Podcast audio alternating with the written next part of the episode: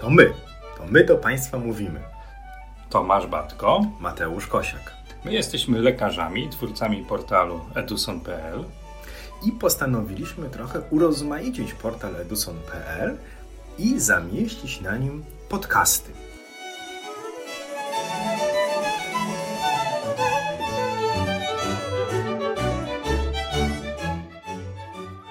To jest taki podcast, który nagrywamy patrząc na siebie, patrząc sobie w oczy. Bo większość naszych podcastów, to trochę odsłonimy naszej podcastowej kuchni, nagrywamy zdalnie, nie widząc siebie nawzajem. Co jest pewną pomocą, czasem utrudnieniem, bo jak sami Państwo wiecie, łatwiej rozmawia się ze sobą, widząc siebie nawzajem. A widzimy siebie nawzajem, dlatego że przebywamy razem w Zamościu. W Zamościu, gdzie współprowadzimy kurs poświęcony ultrasonografii pediatrycznej. I to jest takie miejsce, które skupia nasze myśli do ultrasonografii w sposób maksymalny, bo tą ultrasonografią siłą rzeczy żyjemy. I żyjemy też po części dyskusjami na temat ostatnich tematów, które poruszaliśmy w naszych podcastach. Też tego tematu, który jest związany z zakresem nowej listy umiejętności lekarskich. Bo i sami się nad tym zastanawiamy i jesteśmy pytani przez uczestników kursów.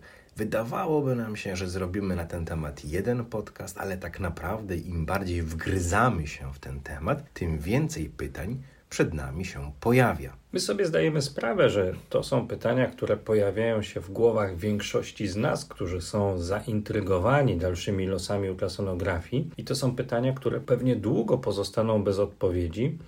No bo tak naprawdę te osoby, które mogłyby nam udzielić odpowiedzi, chyba ciągle nie są gotowe do tego, żeby jej nam udzielić, bo też nie wiemy, jakie będą dalsze praktyczne losy listy umiejętności. Ja mam wiele pytań i wiele wątpliwości. No bo na przykład, jak się ma rozporządzenie Ministerstwa Zdrowia z wymienionymi umiejętnościami lekarskimi, zawodowymi, w tym ultrasonograficznymi, do certyfikatów wydawanych przez towarzystwa naukowe.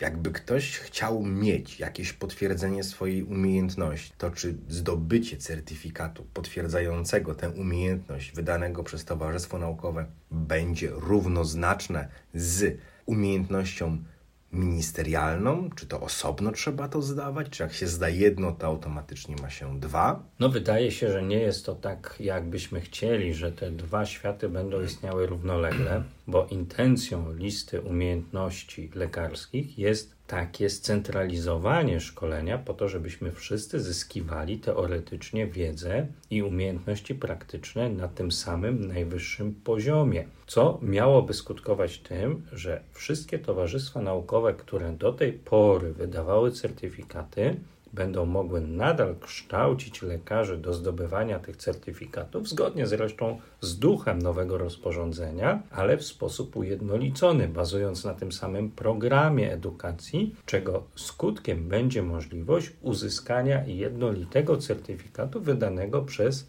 Centrum Kształcenia Ustawicznego. Ale wiesz, że może wydarzyć się w ten sposób, że być może dotychczasowa ścieżka uzyskiwania certyfikatu przez towarzystwa naukowe była trudniejsza niż ta, która będzie teraz. Zatem, czy nie będziemy mieli do czynienia z obniżaniem poziomu kształcenia w zakresie ultrasonografii? Pod warunkiem, że pod hasłem trudniejsza rozumiemy to, że było trzeba wykazać się większą wiedzą i poprawniej zdobytymi umiejętnościami praktycznymi. Wychodząc z takiego założenia, rzeczywiście istnieje pewne ryzyko tego, że dojdzie do pewnego spłaszczenia, uproszczenia procedury wydawania certyfikatu i może się skończyć tak, że część z tych certyfikatów, które teraz były trudne do zdobycia w znaczeniu takim, że wymagały od nas wielu samodzielnie wykonanych badań lub badań wykonanych pod nadzorem i ukończenia wielu kursów i szkoleń, często długich i często żmudnych, po części zakończonych cząstkowymi egzaminami, zniknie teraz i ten cały proces kształcenia ulegnie pewnemu skróceniu. To byłoby niedobrze. I Niestety istnieje taka obawa, że tak może się zdarzyć, a ta obawa może być związana również z tym, że jeżeli w duchu ustawodawcy jednoczesne posiadanie umiejętności wynikające z posiadanych specjalizacji będzie równoznaczne z tymi nowymi umiejętnościami dla tych z nas, którzy nie mają w zakresie swojej specjalizacji umiejętności badań ultrasonograficznych, to jak spojrzymy sobie w te specjalizacje, które mają teoretyczną możliwość nauki ultrasonografii, to program zawarty w programie specjalizacji dotyczący nauki ultrasonografii jest bardzo, bardzo ograniczony. Trudno jest się nauczyć ultrasonografii bazując tylko na programie specjalizacji. Kolejnym problemem jest to, że jak czytamy między słowami w wypowiedziach ministerstwa, to boję się, że ministerstwo zakłada, że jeżeli jakaś specjalizacja nie ma ultrasonografii w swoim programie, to często a priori ministerstwo może iść za takim głosem, że widocznie ta ultrasonografia tej specjalizacji nie jest potrzebna. A to wcale tak nie jest, bo jest wielu specjalistów, na przykład pediatrii, które ultrasonografię wykonują, mają w niej duże doświadczenie. Sama ta umiejętność nie jest objęta programem specjalizacji. W programie specjalizacji jest konieczność interpretowania wyników, a nie wykonywania badania, ale to, że elementy ultrasonografii nie są w programach niektórych specjalizacji, nie wynika z tego, że to jest niepotrzebne, ale wynika z tego, że nie zawsze programy specjalizacji nadążają za aktualnym stanem wiedzy, za aktualnymi stanami zapotrzebowaniem pacjentów i lekarzy. Co więcej, autorzy programów specjalizacji zdają sobie sprawę, że pewne rzeczy można by wprowadzić, ale nie ma narzędzi, żeby tych specjalizujących się tego dobrze nauczyć. No tak, no, dobry przykład podałeś, bo pediatria tutaj jest takim klasycznym przykładem, gdzie ultrasonografia może przynieść duże korzyści, jeżeli jest wykonywana przez lekarza klinicystę. I ta ultrasonografia wykracza poza szersze ramy niż tylko ultrasonografia jamy brzusznej. Ona często stanowi tylko niewielki wycinek tego, co pediatra mógłby zobaczyć u swoich pacjentów pediatrycznych, bo i mózgowie, i szyja, i tarczyca, i węzły chłonne, i płuca, i podstawy na przykład obrazowania serca to są te elementy, które warto by było, żeby pediatra czy neonatolog posiadał w swoim portfolio umiejętności. Ale siłą rzeczy, to jest być może moje wybiórcze zdanie,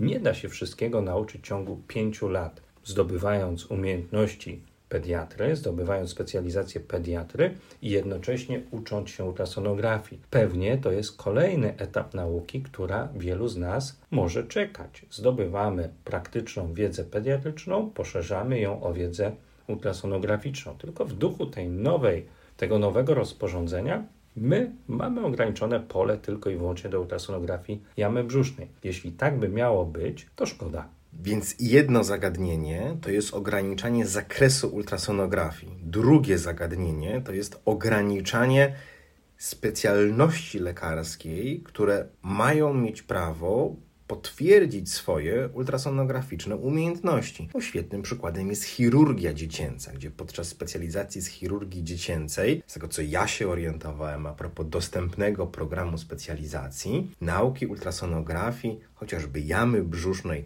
polegającym na tym, że trzeba wykonać tyle i tyle badań pod nadzorem, tego w programie nie ma. Jest interpretacja otrzymanych wyników badań. No i zgodnie z nowym rozporządzeniem, chirurgia dziecięca nie jest specjalizacją ujętą wśród tych, które mają prawo uzyskać umiejętność chociażby z podstawowej oceny ultrasonografii jamy brzusznej u dzieci.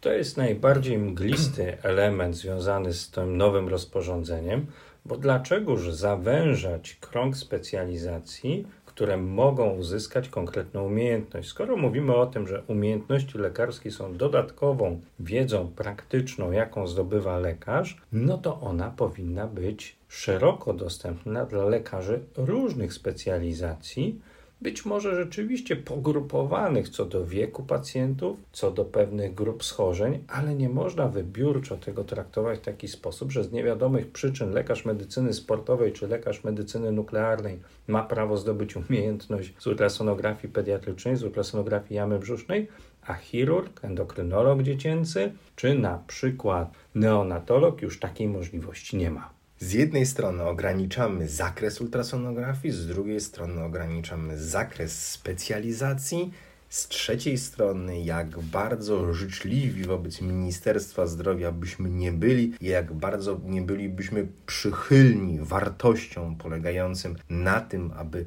unifikować, standaryzować edukację lekarzy, to jednak jest bardzo trudno tę przychylność zachować po lekturze tego rozporządzenia, szczególnie jak się wie, jakie są i potrzeby lekarzy, i potrzeby pacjentów de facto, mimo że trzeba założyć wprost, że ministerstwu przyświecała dobra idea, dobre chęci, to konsekwencje tego rozporządzenia mogą być takie, że jednak ani lekarz, ani pacjent na tym nie zyskuje. A wszak my, lekarze, doskonale wiemy, że trzeba działać tak, żeby przede wszystkim nie szkodzić. Bo my do końca nie wiemy, z czego wynika taki obraz tego rozporządzenia. Czy z niechęci, czy z niewiedzy, czy z braku współpracy towarzystw naukowych z ministerstwem, czy z braku umiejętności wzajemnego słuchania siebie, potrzeb lekarzy, potrzeb pacjentów, bo nie posądzamy nikogo o złą wolę w tym wszystkim. Ale tak naprawdę to głównym problemem w tych wszystkich naszych dyskusjach jest to, że my nie wiemy, czemu mają służyć w ogóle te umiejętności, skoro one są tak okrojone do wycinków tylko możliwości współczesnej ultrasonografii dla wybranych specjalizacji i to jeszcze w bardzo okrojonym ich składzie. Jeśli to ma wiązać się z tym, że tylko osoby posiadające taką umiejętność będą mogły świadczyć tego typu usługi w systemie publicznej służby zdrowia i tylko te badania będą mogły liczyć na refundację, to sprawa jest jasna. Chodzi o to, żeby jak najbardziej zawęzić krąg lekarzy, którzy mogą wykonywać te badania, co niestety będzie skutkowało tym, o czym mówiliśmy, jeszcze bardziej zmniejszy się pula lekarzy, którzy pracują w publicznej ochronie zdrowia. A przeniesienie kosztu badania ultrasonograficznego dokona się na pacjenta, bo im gorzej będzie funkcjonowała dostępność do ultrasonografii w ramach funduszy państwowych, publicznych, tym lepiej będą rozwijały się przychodnie, placówki niepubliczne, prywatne, komercyjne a nie do końca nam o to chodzi. Pewnie byłoby idealnie, gdyby istniała jedna czy dwie umiejętności z zakresu ultrasonografii ogólnej, które byłyby dopasowane do specjalizacji konkretnych. Inna dla pediatrii, inna dla medycyny pacjentów dorosłych. Pewnie nie jest to proste do zrobienia, być może w ogóle nie ma sensu tworzyć umiejętności lekarskiej z ultrasonografii, a większym sensem byłoby tylko nadzorowanie procesów kształcenia w obrębie już istniejącego, skutecznego i rzetelnego systemu, jaki proponuje wiele towarzystw naukowych. My jesteśmy otwarci, my jesteśmy otwarci na dialog, różne poglądy, na Państwa refleksje, także na opinie Ministerstwa Zdrowia. My nie znamy odpowiedzi na wszystkie pytania. Staramy się zgłębić ten temat, przygotować się jak najbardziej, jak najlepiej do ewentualnej dyskusji, tego co nas może czekać. Natomiast jest gdzieś tam na końcu naszego języka taki delikatny posmak goryczy. No jest niestety ten posmak goryczy i ten posmak goryczy tak nadchodzi z różnych stron, bo z jednej strony mamy wrażenie, że te grupy w obrębie osób zainteresowanych ultrasonografią i losami ultrasonografii, zwłaszcza te związane z różnymi towarzystwami naukowymi, które edukują w tej ultrasonografii, mamy wrażenie, że trochę przespały moment tworzenia listy umiejętności. Być może nie zostały wysłuchane w ministerstwie, ale no jakoś tak brakuje nam jakiegokolwiek śladu w naszej wspólnej dyskusji, że jakiekolwiek próby dialogu były podjęte. Bo nie chcemy nikogo rozliczać ze skuteczności czy nie, nieskuteczności działania, ale szczerze mówiąc, jako członkowie największego polskiego ultrasonograficznego towarzystwa naukowego, nie otrzymujemy komunikatu, żeby cokolwiek było robione. Robione, nawet jak robione nieskutecznie, czy nawet jak ci nasi przedstawiciele nie byli wysłuchani, to ja się z transparentnym przekazem, że działamy w tej kwestii, nie spotkałem. Może ty? Ja się też nie spotkałem. Mało tego, mam pewne poczucie niepewności co do moich dalszych losów zawodowych i losów zawodowych moich kolegów, bo może się okazać, że nagle ktoś zabroni nam świadczyć usługi, które świadczymy od wielu, wielu lat, bo uzna, że nie posiadamy umiejętności, która potwierdzałaby to, co robimy do tej pory. Bo może ministerstwo nie chce źle, tylko ministerstwo nie ma wystarczająco rozsądnych głosów, na podstawie których może zbudować swój pogląd na rzeczywistość. Mamy nadzieję, że wszystko dobrze się skończy, że ta nasza dyskusja nie jest dyskusją jałową, ale też, że wzbudzi trochę takiego samorządnego działania oddolnego całego środowiska i wspólnie damy radę stworzyć coś dobrego. Do usłyszenia. Do usłyszenia.